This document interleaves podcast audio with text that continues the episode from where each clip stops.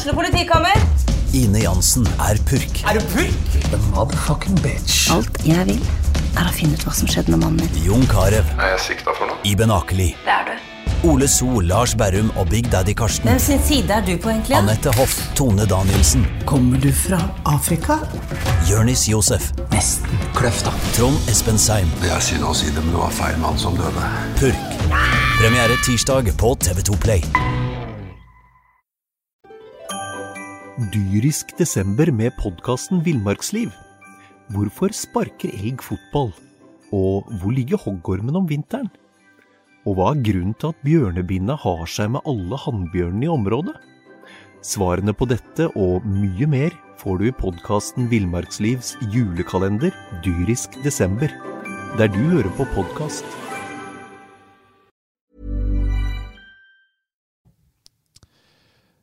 Det er vel to, eh, to ting, i hvert fall tre ting. Det er så mye å diskutere, men det er to ting vi kan eh, starte med kort, og det er noen tall. Det er 1-2, og det er 23-59-59. Vi kan starte med det depressive, da, som er 1-2. Skal vi bare rase gjennom det? Det som skjedde i går? Må vi, da? Altså, det er jo Altså, har vi ikke vært har vi ikke vært-. Altså, det, var, det er liksom eh, Altså, Jeg og du satt jo og så kampen i går, og vi, eh, vi satt jo og sa altså, Molde Nei, Molde, sier jeg. Eh, det er for så vidt også en kamp sendt til 1-2, så vi ikke trenger å dvele så veldig mye med. Men eh, Norge de går altså på snørra hver forbanna gang de har muligheten. Hver gang jeg kjenner aimen av en mesterskap, så går det til uh, bokstavelig talt til H, for å si det sånn. Og det er eh, Og jeg må, som jeg sa i går, altså Norske eksperter eh, Ikke sånn som oss, vi er synsere, vi er ikke eksperter. Men altså, norske eksperter som har sittet og snakka ned Vi det her- har jo en ekspert her. Ja, han, ja selvfølgelig. Ja, Mathias er ekspert. er ekspert. Ja. Men altså, sitter og snakke ned liksom, det serbiske laget Så Serbia de kommer til et mesterskap hver forbanna gang. Vi sitter hjemme og ser i sofaen. Hva slags grunn har de norske ekspertene til å kunne snakke ned dette Serbia-laget? Nei, det og så mye som vi har snakket, snakket om disse norske unge, nye generasjonene. Altså, de, de ser jo ut som småguttespillere. Altså, Sander Berge, Kristoffer Aja Kristoffer Aja så ut som en treig utgave av Per Mertesaker. Og det sier litt, for han var ganske treig. Og Nei, altså det, Martin Ødegaard han er jo helt hjelpeløs når de spiller den type fotball som de gjør, og bare slår lange baller opp på to spisser.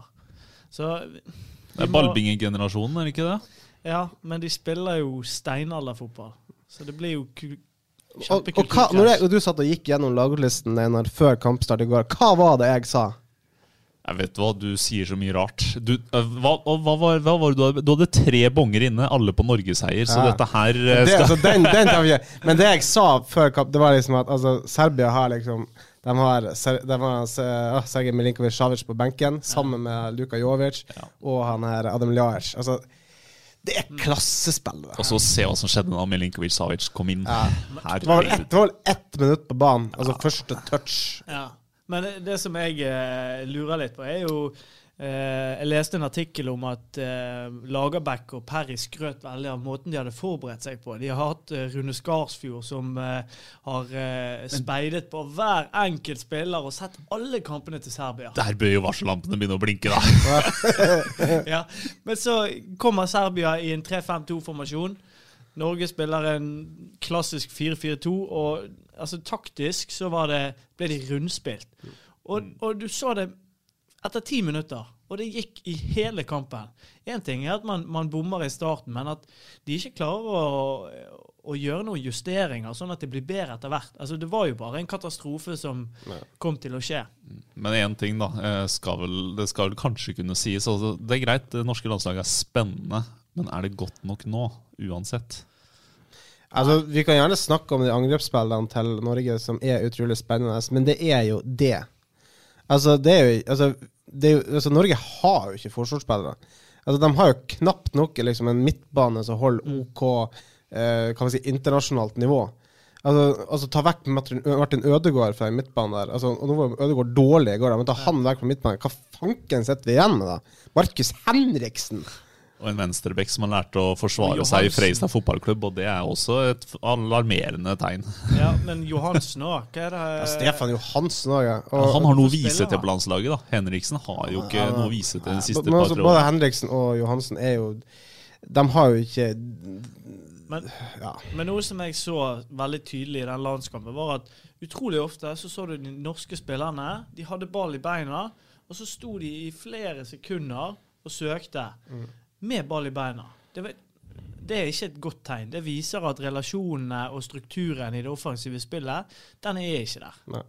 Så jeg, jeg mener jo at vi, vi må få inn en trener som spiller annen fotball, som passer spillerne mye bedre. Og få se, se det Norge-laget der i en, i en offensiv 4-3-3, der spillerne kan by litt på seg sjøl, da tror jeg det hadde vært mye bedre. Det var som du sa i går, Einar. Altså, Norge spiller faktisk eh, med en formasjon som ikke passer de spillerne vi har. Det er ikke spesielt kontroversielt å melde det, tror jeg.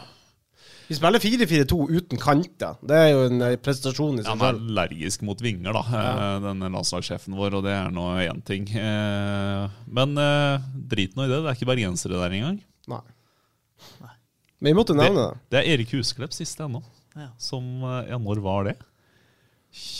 Jo, 2013, tror jeg. Noe sånt. Nå, han, spilte, han spilte noen få Ja, minutter i en helt betydningsløs kamp i Dyngeland. Og Glesnes Ja. har vært innom, men Men de har ikke spilt. Nei. Men jeg mener jeg Eh, leste at eh, faren til Jens Petter Hauge er fra Arna. Arna. Arna, ja. Eh, Igjen en skandale at han ikke kom inn når vi jakta skåring. Ja. Mm. Så setter de inn på alt mulig annet. eh, Morten Martin Linnes. Og Martin Linnes. Nei, det Eks- Altså, sånn, du ligger under altså, Du ligger under 1-2 i ekstraomganger, så setter du inn Martin Linnes. Nei, det er herlig. Hver gang jeg er her og har podkast, så er det et eller annet så dårlig som har skjedd. Det er Ja, men det, dårlig. da. for å si det sånn, de siste par åra har vært tunge. Ja, det har vært tunge, det har vært tungt å spille inn podkast. Altså, det er jo artig når Jan Gunnar er med oss og liksom sånn her Ja, det er mandag, og det er ikke noe god mandag. Altså, jeg føler den har vi hatt ganske kommer den ofte. der dype bassstemmen Ja, ja. til Jan Gunnar, og den Ja. kommer til sin rett Ja, på en det- blåmandag. Nei, det, det, det er ikke mange fine Altså Nå er det riktignok fredag, da, men det er ikke mange fine podder vi egentlig har hatt de siste par årene. Nei, Nå sitter vi jo her. Jeg heter Einar, og du heter Jonas eh, Jonas. Og du heter Mathias Mathias. Ja. Eh, og vi kan jo dra det andre tallet jeg begynte med. 23, 59, 59, hva er det jeg snakker om da? Da eh, snakker du vel om uh, Sander Svendsen-overgangen, Ja, som ja. akkurat eh, gikk i land. Ja, det er jo herlig. Altså ett sekund. Det er sånn her, det er klart Vi som også vet eh, Vi som vet hvordan det er å jobbe mot en deadline eh, eh, Jeg misunner ikke eh, Rune Soltvedt. Altså det er eh, sikkert de timene og minuttene han hadde når man bare kikker på klokka annethvert sekund og bare ser den tikke ned mot, eh, mot midnatt. For å si det sånn, Brann må ha en utrolig god kopimaskin. Ja. Fordi den kopimaskinen den går alltid i krøll hvis du har dårlig tid. Det kan du banne på, men det gjorde ikke den på stadion. Ah. Og det er derfor Det har, Sander Svendsen det er har Det har vært eh, nok av overganger som blir stranda pga. en kopimaskin. Vi, altså, jeg kan jo bare få dra fram en sånn her eh, Du hadde jo den famøse David Igea Skulle jo egentlig til Real Madrid. Det der var vel noe humbug. Ja, det er, det er jo bare tull. Selvfølgelig. Altså, det er jo ikke sånn at uh, kopimaskinen streiker ja, Faks altså, streiker akkurat på deadline day. Det funker 300, hva blir bli 64 dager i året. Altså, nei, akkurat den dagen så funker det ikke. Det er jo den dårligste forklaringa som finnes. Men Brann de har tydeligvis en eh, god, eh, god maskin. Oppe, det ble travelt for Brann, for Brann ville egentlig ha Erik Ulland Andersen. Eh, fra, på lån fra Molde. Det gikk ikke fordi Brann og Molde ble ikke enige om, eh, enige om eh, andelen lønn som skulle betales. Og Molde måtte få ut Ulland Andersen for å få inn Sander Svendsen.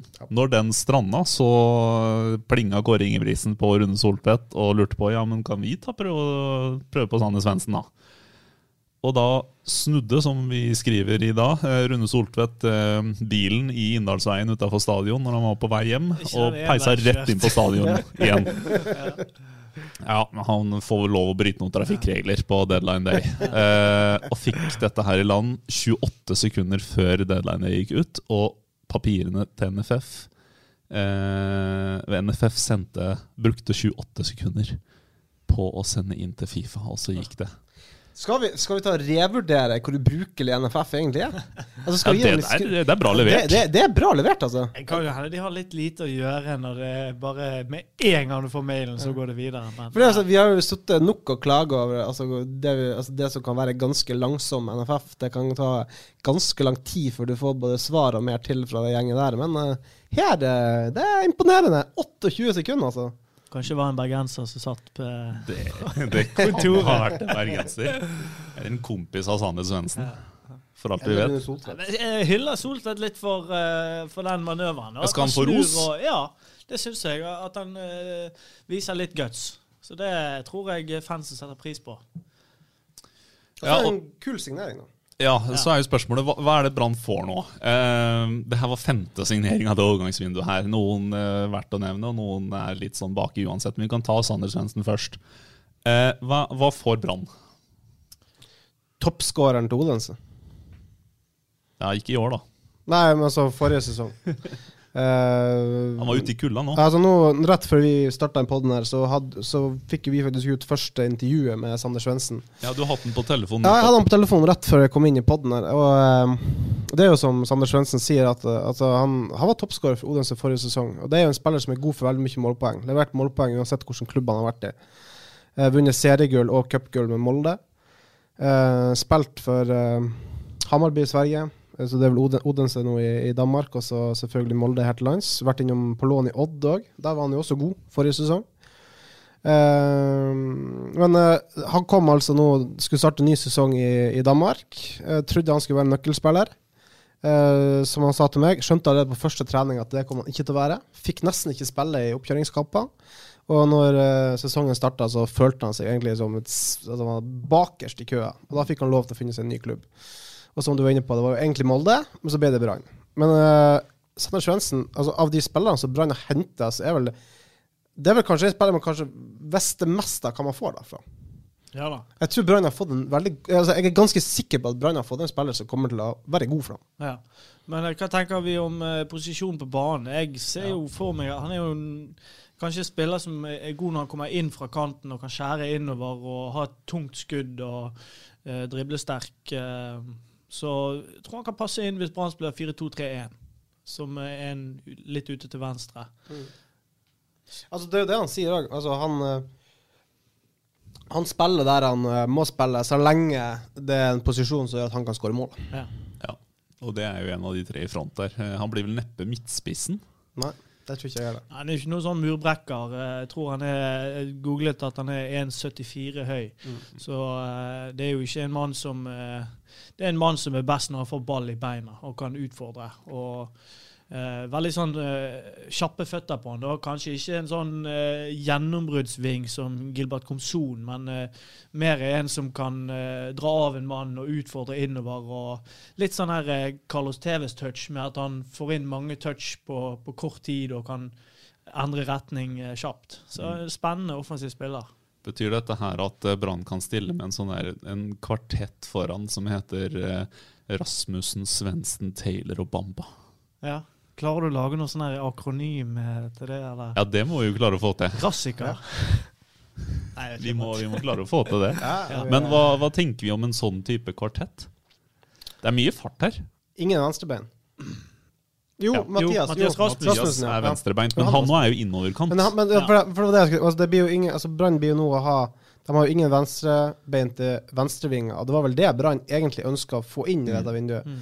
Nå kan Rasmussen spille på begge kantene, men det er vel høyre han liker seg best på. Sånn Det er høyre han stort sett har spilt på, så han Ja. er jo innoverkant Ja. eh, fra høyre. Litt sånn som David Vega var. da Han er jo venstrebeint som trivdes Ja. best på høyre. Det er jo moten nå. Altså De aller fleste Ja. lag spiller jo med innoverkanter, men det er jo sånn her Brann har jo hatt en tendens til å gå i lås nå i to sesonger. Det er klart, med innoverkanter eh, Går du i lås, så er det liksom sånn her Du har ikke noe alternativ til å sette inn der, da, føler jeg. Ja, men da må du ha noen andre altså, For det er kun innoverkanter. De har hatt backtyper. Altså Bekkene heter Ruben Kristiansen og Tayo Teniste. Ja. Ingen av dem har sine forser offensivt. Nei, nei. Ikke sant? Men hvis du bytter ut de bekkene med da, Grøgaard, Blomberg, eh, Tveita alle som, Mm. alle, Det er jo offensive bekker. Så blir det jo litt annerledes å kunne døtte det ut på der når, når vingen skjærer inn i banen.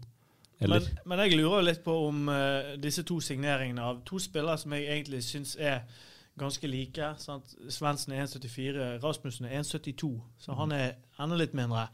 Uh, om det på en måte sier at Brann går mer mot en 4-2-3-1-formasjon, at det er det de ønsker å, å bygge videre på, eller om grunnen til at disse to signeringene kom, var bare fordi at disse var ledige.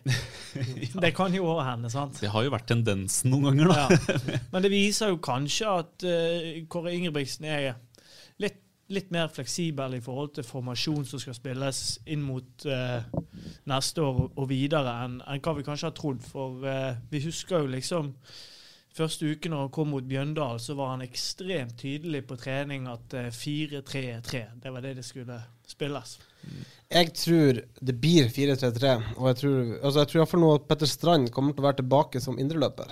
Ja, Han slipper vel å bekymre seg for å ja. ta vingplassen vingplass nå. Men mm. da blir det ikke det klassiske 4-3-3 som Rosenborg kanskje har spilt. Men jeg tror ikke Brann kommer til å spille med en tier. Altså. Jeg tror fortsatt, jeg tror det blir egentlig Da må Taylor ut, da. Ja, jeg tror fort det kan være Taylor som ryker. Altså. Men, han har jo vært lovende som tier.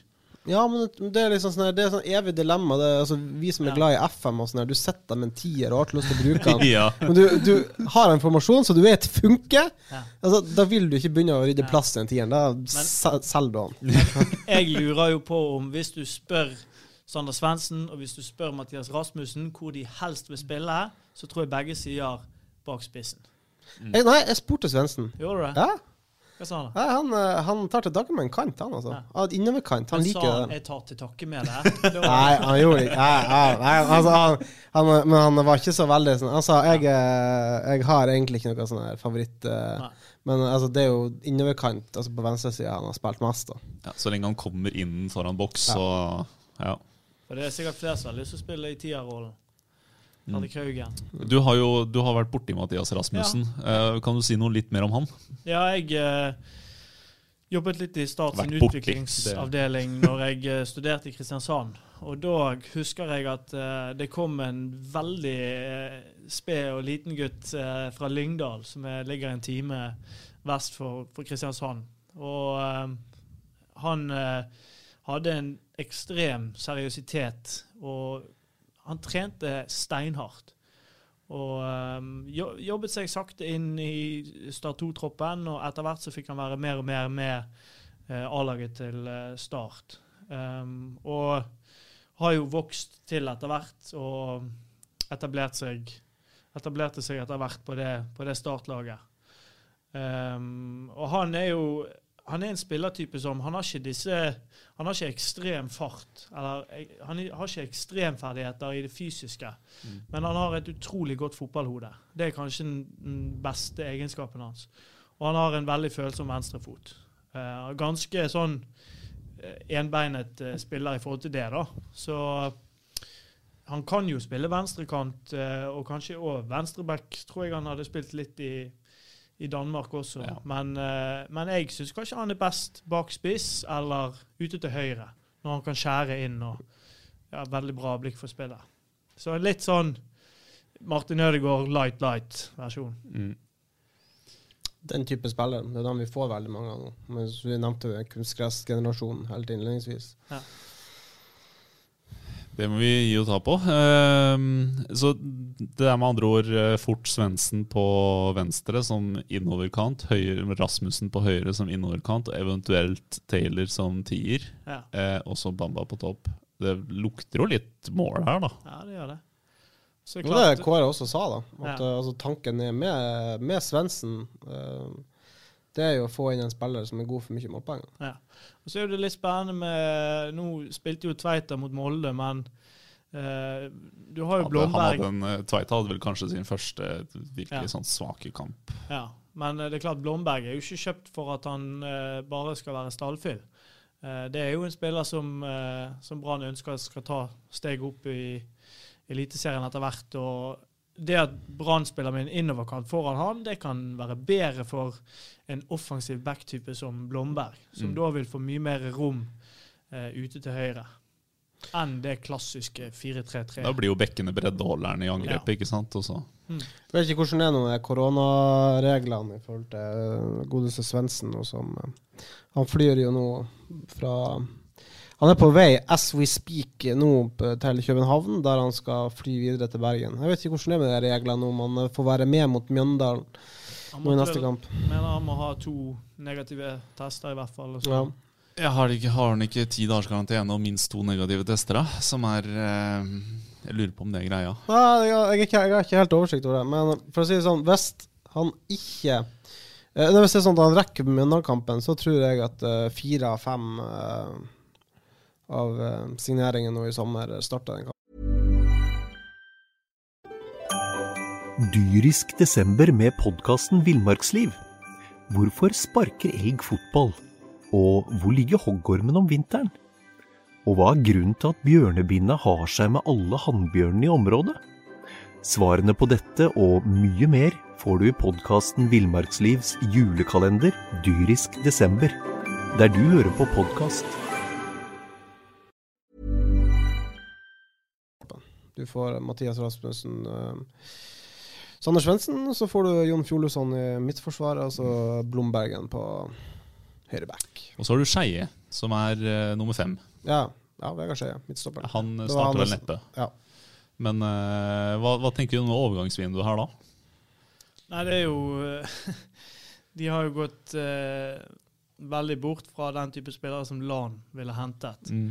Eh, Lan likte å hente etablerte spillere som, med god fysikk og, og rutine, mens her er jo det mange unge spillere som eh, eh, er mer ball, ballsikre og mer offensive typer. Så jeg, jeg syns det er spennende, og jeg syns det er veldig riktig retning for Brann å gå. Så er det ungt, da, med unntak av Fjoluson, som selvfølgelig ikke er ung. Men de fire andre er jo yngre, er jo er 24 år eller yngre. Ehm, se. Ja, det, er jo, det er jo et klart signal da, for Kåre Ingebrigtsen. Skal, men det som er også er greia, det, og det vet jo Jeg merker jo sånn sosiale medier og sånn, så folk som viser merke, at det er jo kortsiktig tenkning av Brann. Sander Svendsen, Mathias Rasmussen og Fjolesson på avtaler ut året. Hva gjør man i januar? Ja. ja, og det er litt sånn eh, Tilbake til det vi sa, at disse overgangene her, er, er de vel gjennomtenkte? Er det spillere som Brann har scoutet på i lang tid, eller kommer de til Brann fordi at Brann har fått masse penger av Abid Raja, og de må signere noe nå for å ikke rykke ned? Mm. Uh, det er jo litt usikker på, på akkurat den biten. da. Må jeg arrestere deg litt på Mathias Rasmussen, da. Ut 2023. Var ikke han på lån, da? Nei. Oh, ja, jeg men- jeg men jeg leste at han var på lån. Jeg snakker Det har gått i ball for uh, jeg har, vært, jeg, jeg, jeg, har vært, jeg har vært på ferie, jeg, så det- det er min unnskyldning. Men jeg, har, nei, jeg, jeg var helt sikker på det. Jeg synes jeg leste i en sak nå før jeg gikk inn at jeg var på lån. Men da Du da- leste det sikkert hos konkurrenten vår. Det er mye rart. Det kan sikkert være. Jeg mener jeg leste på lån. Ja, ja men da, da Svendsen legger jeg flat er på lån. Stemmer ikke det? Sander Svendsen er på Ja. lån, og Fjoluson er på kontrakt ut, eh, ut året. Og så har vi jo diskutert den, eh, den dealen der før òg.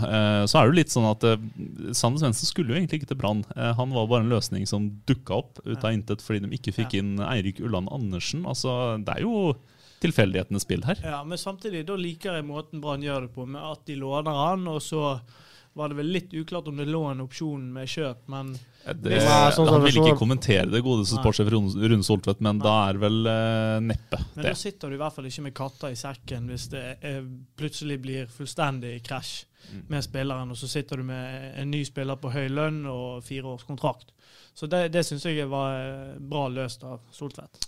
Molde har jo åpenlyst sagt at uh, Sander Svendsen er en mann de håper å fortsatt kunne se i Molde-drakt etter hvert. Og det, det er en fare for at uh, Brann spiller han varm, og så ender han opp i Molde i januar. Ja, det er sant, det. Får Ulland Andersen på billigsalg, da? Ja, det kan hende. Det kan jo hende. Han kosta vel uh, Molde ganske mye penger, om jeg ikke husker helt feil. Skal vi over på en annen het potet. Uh, assistentrolla i Brann. Ja. Eh, den er kinkig. Meget kinkig. Eh, Robert Hauge, for eh, ja, de fleste har jo fått det med seg, regner jeg med. Robert Hauge er uønska som assistent på A-laget under Kåre Ingebrigtsen. Fikk den beskjeden vel på mandag. Eh, da sendte Brann ut en eh, så ut som en ganske forhasta pressemelding med to setninger. Eh, Og det er der vi står ennå. Det har ikke kommet inn en ny mann. Hva er det som eh, skjer i sportsklubben Brann? Nei, altså, Først må vi bare si at Robert Hauge han eh, begynte å jobbe i Brann i 1997. Han begynte å jobbe med fotballgymnaset til Brann. Og så har han vært i Brann eh, var han i Brann helt frem til 2011. Og så ble han hentet av Motsiva Mjelde til Start og var der i noen år. Og så i 2015 så ble han hentet tilbake til Brann av ikke av en trener, men av eh, klubben. Og jobbe, begynte å jobbe med For å hjelpe Rikard Norling, Ja. som ikke hadde kontroll på norsk fotball overhodet. Ja. Og nå har han fått beskjed om at uh, han ikke er ønsket med videre. Og det er egentlig det Jeg har sjekket litt opp i, i jussen, og det er egentlig det man kaller en endringsoppsigelse. Det var vel akkurat dette som var sagt at uh, altså Øygarden kunne gjøre med godeste Bryant Lazaro. De kunne fjerne han fra arbeidsoppgavene, men de kan ikke liksom slutte å utbetale lønn til han. Det er jo det, er jo det Brann altså, er i ferd med å gjøre nå. Altså, de har ikke sparka Robert Hauge, de har bare fratatt han de arbeidsoppgavene han har, Ja. og så vil de kan man si, omplassere han. Men når det skjer, så, eh, så eh, må Brann ha en saklig grunn for å gjøre for å, at en sånn endringsoppsigelse skal, skal tre i kraft. Og eh, da kan Robert Hauge enten godta den endringen og begynne å jobbe med de nye arbeidsoppgavene. Um, og så kan han gjøre det med en gang, eller han kan velge å, å jobbe i sin nåværende stilling de tre månedene som er i oppsigelsestiden. Og det, det tredje alternativet er at han bestrider den eh, endringsoppsigelsen. Ehm, og hvis det skjer, så, så blir jo det søksmål mot Brann.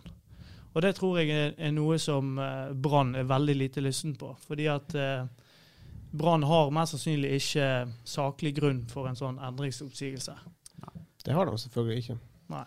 Det må vi legge til grunn, for det må som regel ganske alvorlige, alvorlige brudd til. eh, Ja, og det er mange som, som tror det at det gjelder, gjelder litt andre regler i fotball fordi at det er showbiz. Men eh, selv om fotballtrenere er på kontrakter, så har de like sterkt eh, vern for sin eh, jobb som alle andre i hvilken som helst bedrift. Skal man mener hva man vil om det, jeg syns det er til tider eh, latterlig. Det kalles arbeidsmiljøloven, Jonas Ja, jeg, jeg, klar- jeg er klar over det, men det er jo sånn her altså, Selvfølgelig, altså, eh, Det er sagt at en trener skal måles etter sportslige resultater. Eh, Når de uteblir, så er det selvfølgelig han som eh, da, altså, da burde det være Ja. du kan, Det kan ikke være sånn at noen skal kvitte seg med en vanlig Ja, men fast fast så, ansatt. da sier Trenerforeningen at det kan være 1000 grunner utenfor trenerens uh, myndighet som, uh, som uh, påvirker de resultatene. ikke sant? Ja. Det kan være skader og det kan være spillersalg og alt mulig Ja. som treneren ikke har noe med. Men jeg må jo si noe at når denne saken dukket opp, så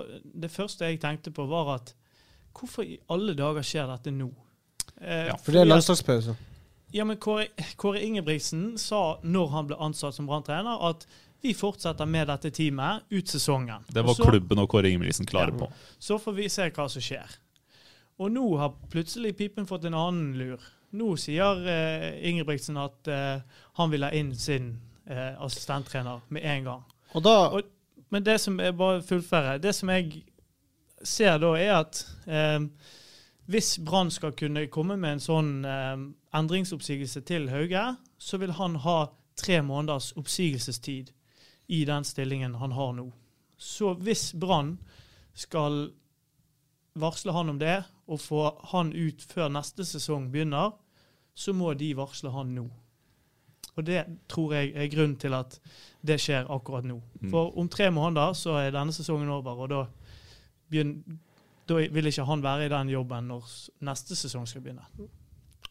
Jeg vil si, altså, Vi hadde jo vår forhenværende altså, fotballekspert Monsi Mjelde sa vel i den første podden vi hadde etter at uh, Kåre ble ansatt, at uh, hvis Kåre får en trå start, uh, og det har han jo fått, eh, så går det ikke lange tida før Erik Hoftun sitter på et fly til Bergen. Herregud, er det Robert Hauge sin eh, feil at Brann gjør det dårlig? Nei, det? Vi, vi husker jo hva som skjedde under nevnte Mons Ivar Mjelde. Da var det jo Espesen Steffensen som fikk fyken av, av Brann-styret. Men det er ikke det som har skjedd nå, da. nå Det må jo understrekes. Men så er jo spørsmålet hva ønsker Robert Hauge å gjøre? Hvis han ønsker å, å fortsette å, å ha en jobb i Brann, så kan jo ikke han gå til søksmål mot Brann. Så han blir jo satt i en veldig vanskelig situasjon her. Ja, så Vi kjenner jo Robert Hauge som en, en, en, eh, en veldig lojal mann. En mann som eh, altså Både Mons Ivar Mjelde og Lars Arne Nilsen har det til felles at de er veldig glad i Robert Hauge. Eh, og det for en grunn. Det er jo åpenbart en mann veldig mange setter stor pris på, og han er nok ikke interessert i å gå til rettslige skritt mot Brann. Og Brann er i hvert fall ikke interessert i å få den rettssaken, for den taper dem. Ja, Men poenget mitt er at Brann tvinger litt Robert Hauge til å gjøre det nå. Og det syns jeg er utrolig dårlig gjort. Jeg syns han blir behandlet utrolig dårlig. For en klubb som han har vært kjempelojal mot siden 1997. Han var i Start og ble hentet av Mons Mjelde, men bortsett fra det har han vært i Brann hele tiden. Han har vært der lenger enn alle i det teamet. Men det er jo ikke helt naturlig at en ny trener vil ha en ny mann, da? Jo, men denne skittentøyvasken som skjer nå, den hadde ikke han fortjent. Det er uverdig bra. Nei, iallfall ikke er sånn eh, ikke sånn så Sånn som Robert Hauge, som, som er inne på, er en lojal mann. og Bare måten han uttaler seg til både oss og, og BT, Mm. eh, det tyder på at dette er jo Dette har ikke gått kanskje så ryddig for seg, og kanskje så fint for seg, så det kanskje sikkert kunne gjort. Og han var dønn lojal når han ble bedt om å ta over når Lars Arne fikk sparken. Og han var dønn lojal når han gikk tilbake til å være assistenttrener. Det er en saga som nok kommer til å fortsette litt, eh, litt utover. Eh, Så får vi se hvem som kommer. Det har jo blitt spekulert i Erik Hoftun, eh, men det har ikke skjedd noe der ennå. Nei, men uh, vi er vel fortsatt uh, rimelig sikre på at det er Erik Hoftun som ankommer med et fly. eh, nå har vel Brann uh, begynner vel De trener vel på mandag. eh, de har fri i helga. Eh, og eh, vi har jo Vi tror jo at eh, det er Erik Hoftun som står på treningsfeltet på, på mandag sammen med Kåre Ingebrigtsen. Han velger å kjøre ingen kommentar overfor oss eh, ennå. Det er Kåre som styrer den biten, sier han. Det er jo en måte å si det på. Ja.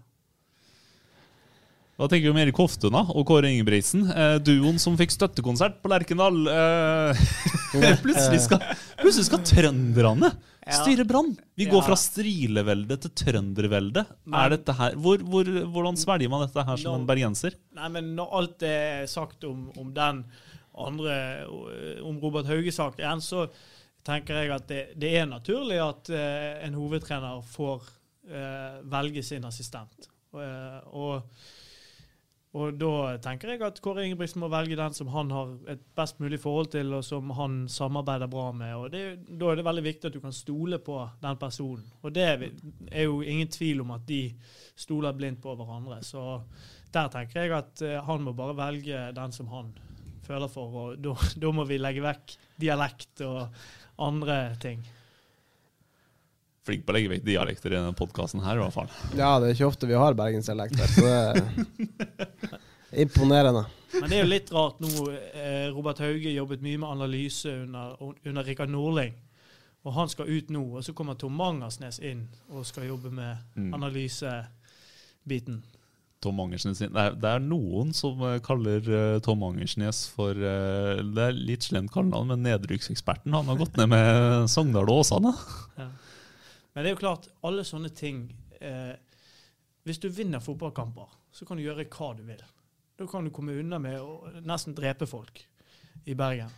Men når, når man ikke klarer å vinne kamper, så, så ser alt litt dårligere ut. Skjønner dere litt hva jeg mener? Mm. Det er litt mekanismene i fotball. Du vinner, hvis du vinner ti kamper på rad, så er jo alle uttalelser eh, fantastiske. Mens når, når du kjemper i motgang, og, og det blir den, eh, den stemningen det er rundt Brann nå, så, så blir da, da blir alt mye vanskeligere.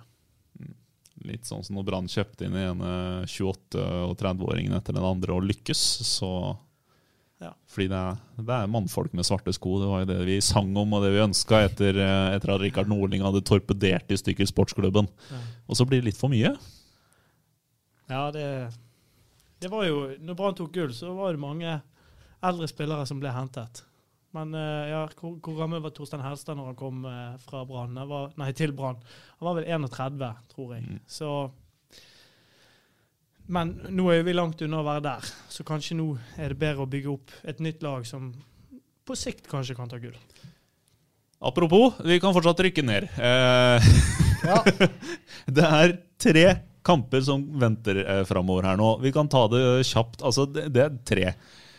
Eh, Unnskyld uttrykket, eh, men jeg kan jo nevne det siden jeg er fra Freistad, og de kan skyte rett tilbake. Men det er tre Mjøkalaget som venter. Eh, nå må poengene begynne å renne inn.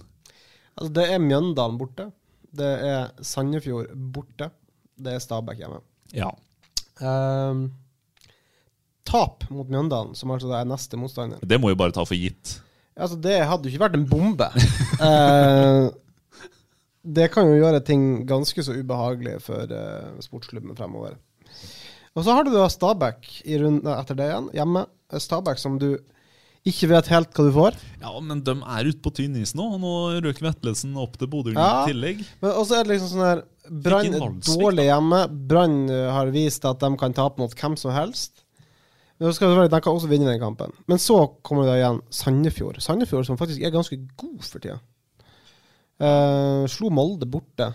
Men hvis de gjør sånn som de gjorde mot Brann på stadion Ja, ja, da blir det jo juling. Men Ja. uh, det er jo uh, Det kan liksom bli veldig ubehagelig. Og så kan vi bare se litt sånn frem i tid. Altså, sist, nest siste serierunde, Start borte. Altså, Det kan bli en ubehagelig affære for bergenserne. Altså. Tenk om Skålevik altså- sender Brann ned, da.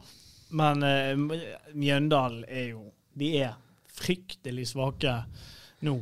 Ja, men det er de jo alltid, og så møter de Brann, og så snur de det. Det skjer hver gang. Altså det er klart Hvis Brann taper mot Mjøndalen, da eh, begynner det å eh, røyne på.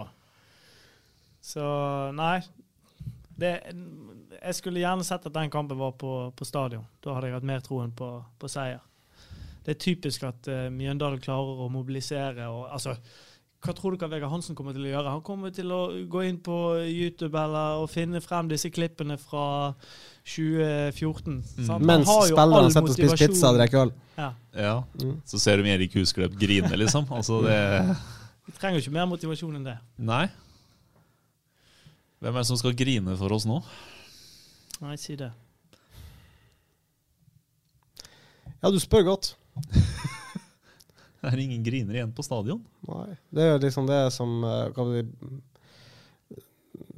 Folk Altså, du, du hører jo litt sånn rop når du er på stadion, og det er jo sånn som det har vært nå de siste årene, eller de siste par årene. Altså, det folk et, eh, etterlyser, det er jo passion. Altså, eh, altså spillere som bryr seg. Og det har man kanskje Man har kanskje ikke hatt så veldig mye av det. Altså, det du hadde liksom Huseklepp i, i nedrykkssesongen som, som gikk bort til supporterne, sto og grein med dem. Og, Jonas Grønner òg. Jonas Grønner, ja. Altså, du har jo ikke dem lenger. Så det her, altså, det er jo Det, det er bergensere i Brann, men det er liksom Det er liksom ikke den eh, Det er jo en grunn til at de ikke har samme status som f.eks. Erik Huseklepp. Det er for at altså, Erik gjorde jo disse greiene som bare gjør at det er umulig å, å liksom ikke, ikke like fyren. Men jeg tror vi skal være unnskyld uttrykket, jævlig forsiktige med å påstå at eh, gutter som uh, Fredrik Haugen, Kristoffer Barmen, Petter Strand, Håkon Oppdal, uh, Ole Martin Kolskogen Det er en del lokale gutter her. Ja. De, de bryr seg om Brann. Ja, ja. Det, Det har vi sett. Ja, ja. Men uh, vi får nå bare se. Det blir spennende en høst. Det blir en spennende høst, i alle fall.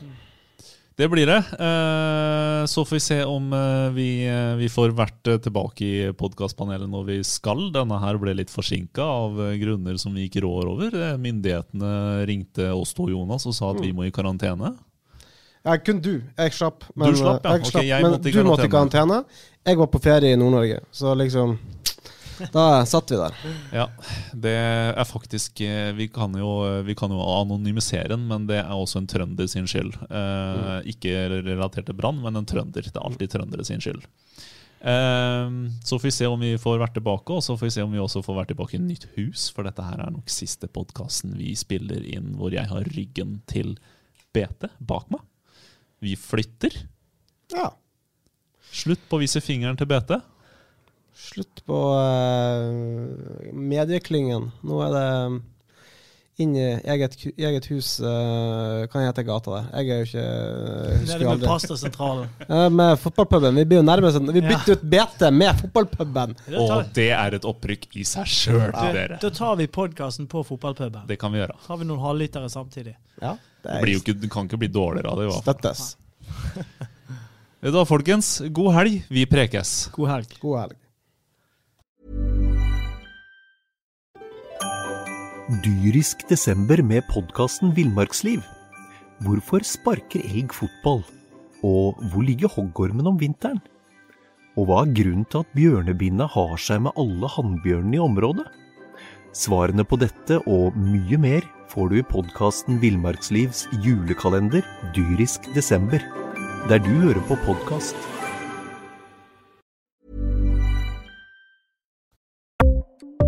Ukens annonsør er HelloFresh.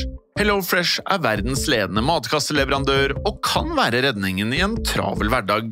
Mange av oss har nok vandret i butikken både sultne og uten en plan for middagen, som ender med at vi går for de samme kjedelige rettene gang på gang. Middag burde være dagens høydepunkt. Som HelloFresh kan du nå velge mellom 25 ulike retter hver eneste uke, eller få HelloFresh til å sette sammen menyen for deg. Dette gir deg muligheten til å prøve nye og spennende retter alene eller sammen med familien. Du velger antall porsjoner og får alt levert på døren på et tidspunkt som passer for deg. Oppskriftene er enkle, og maten er lett å lage både for store og for små. Ved å få alt levert hjem får du også mer tid til å dele matgleden med familie og venner. Kanskje det frister med asiatiske tacos eller greskinspirert kylling? Da kan jeg anbefale deg om å gå inn på hellofresh.no. Her kan du bruke koden FOTBALL og få opptil 1779 kroner i rabatt på de første fem matkastene hvis du ikke har prøvd HelloFresh tidligere. Du kan også bruke rabatten hvis du har vært kunde og stoppet abonnementet ditt for tolv måneder siden eller lengre. Gå inn på hellofresh.no og bruk koden FOTBALL. Har du et enkeltpersonforetak eller en liten bedrift? Da er du sikkert lei av å høre meg snakke om hvor enkelt det er med kvitteringer og bilag i fiken, så vi eh, gir oss her, vi. Fordi vi liker enkelt. Fiken superenkelt regnskap.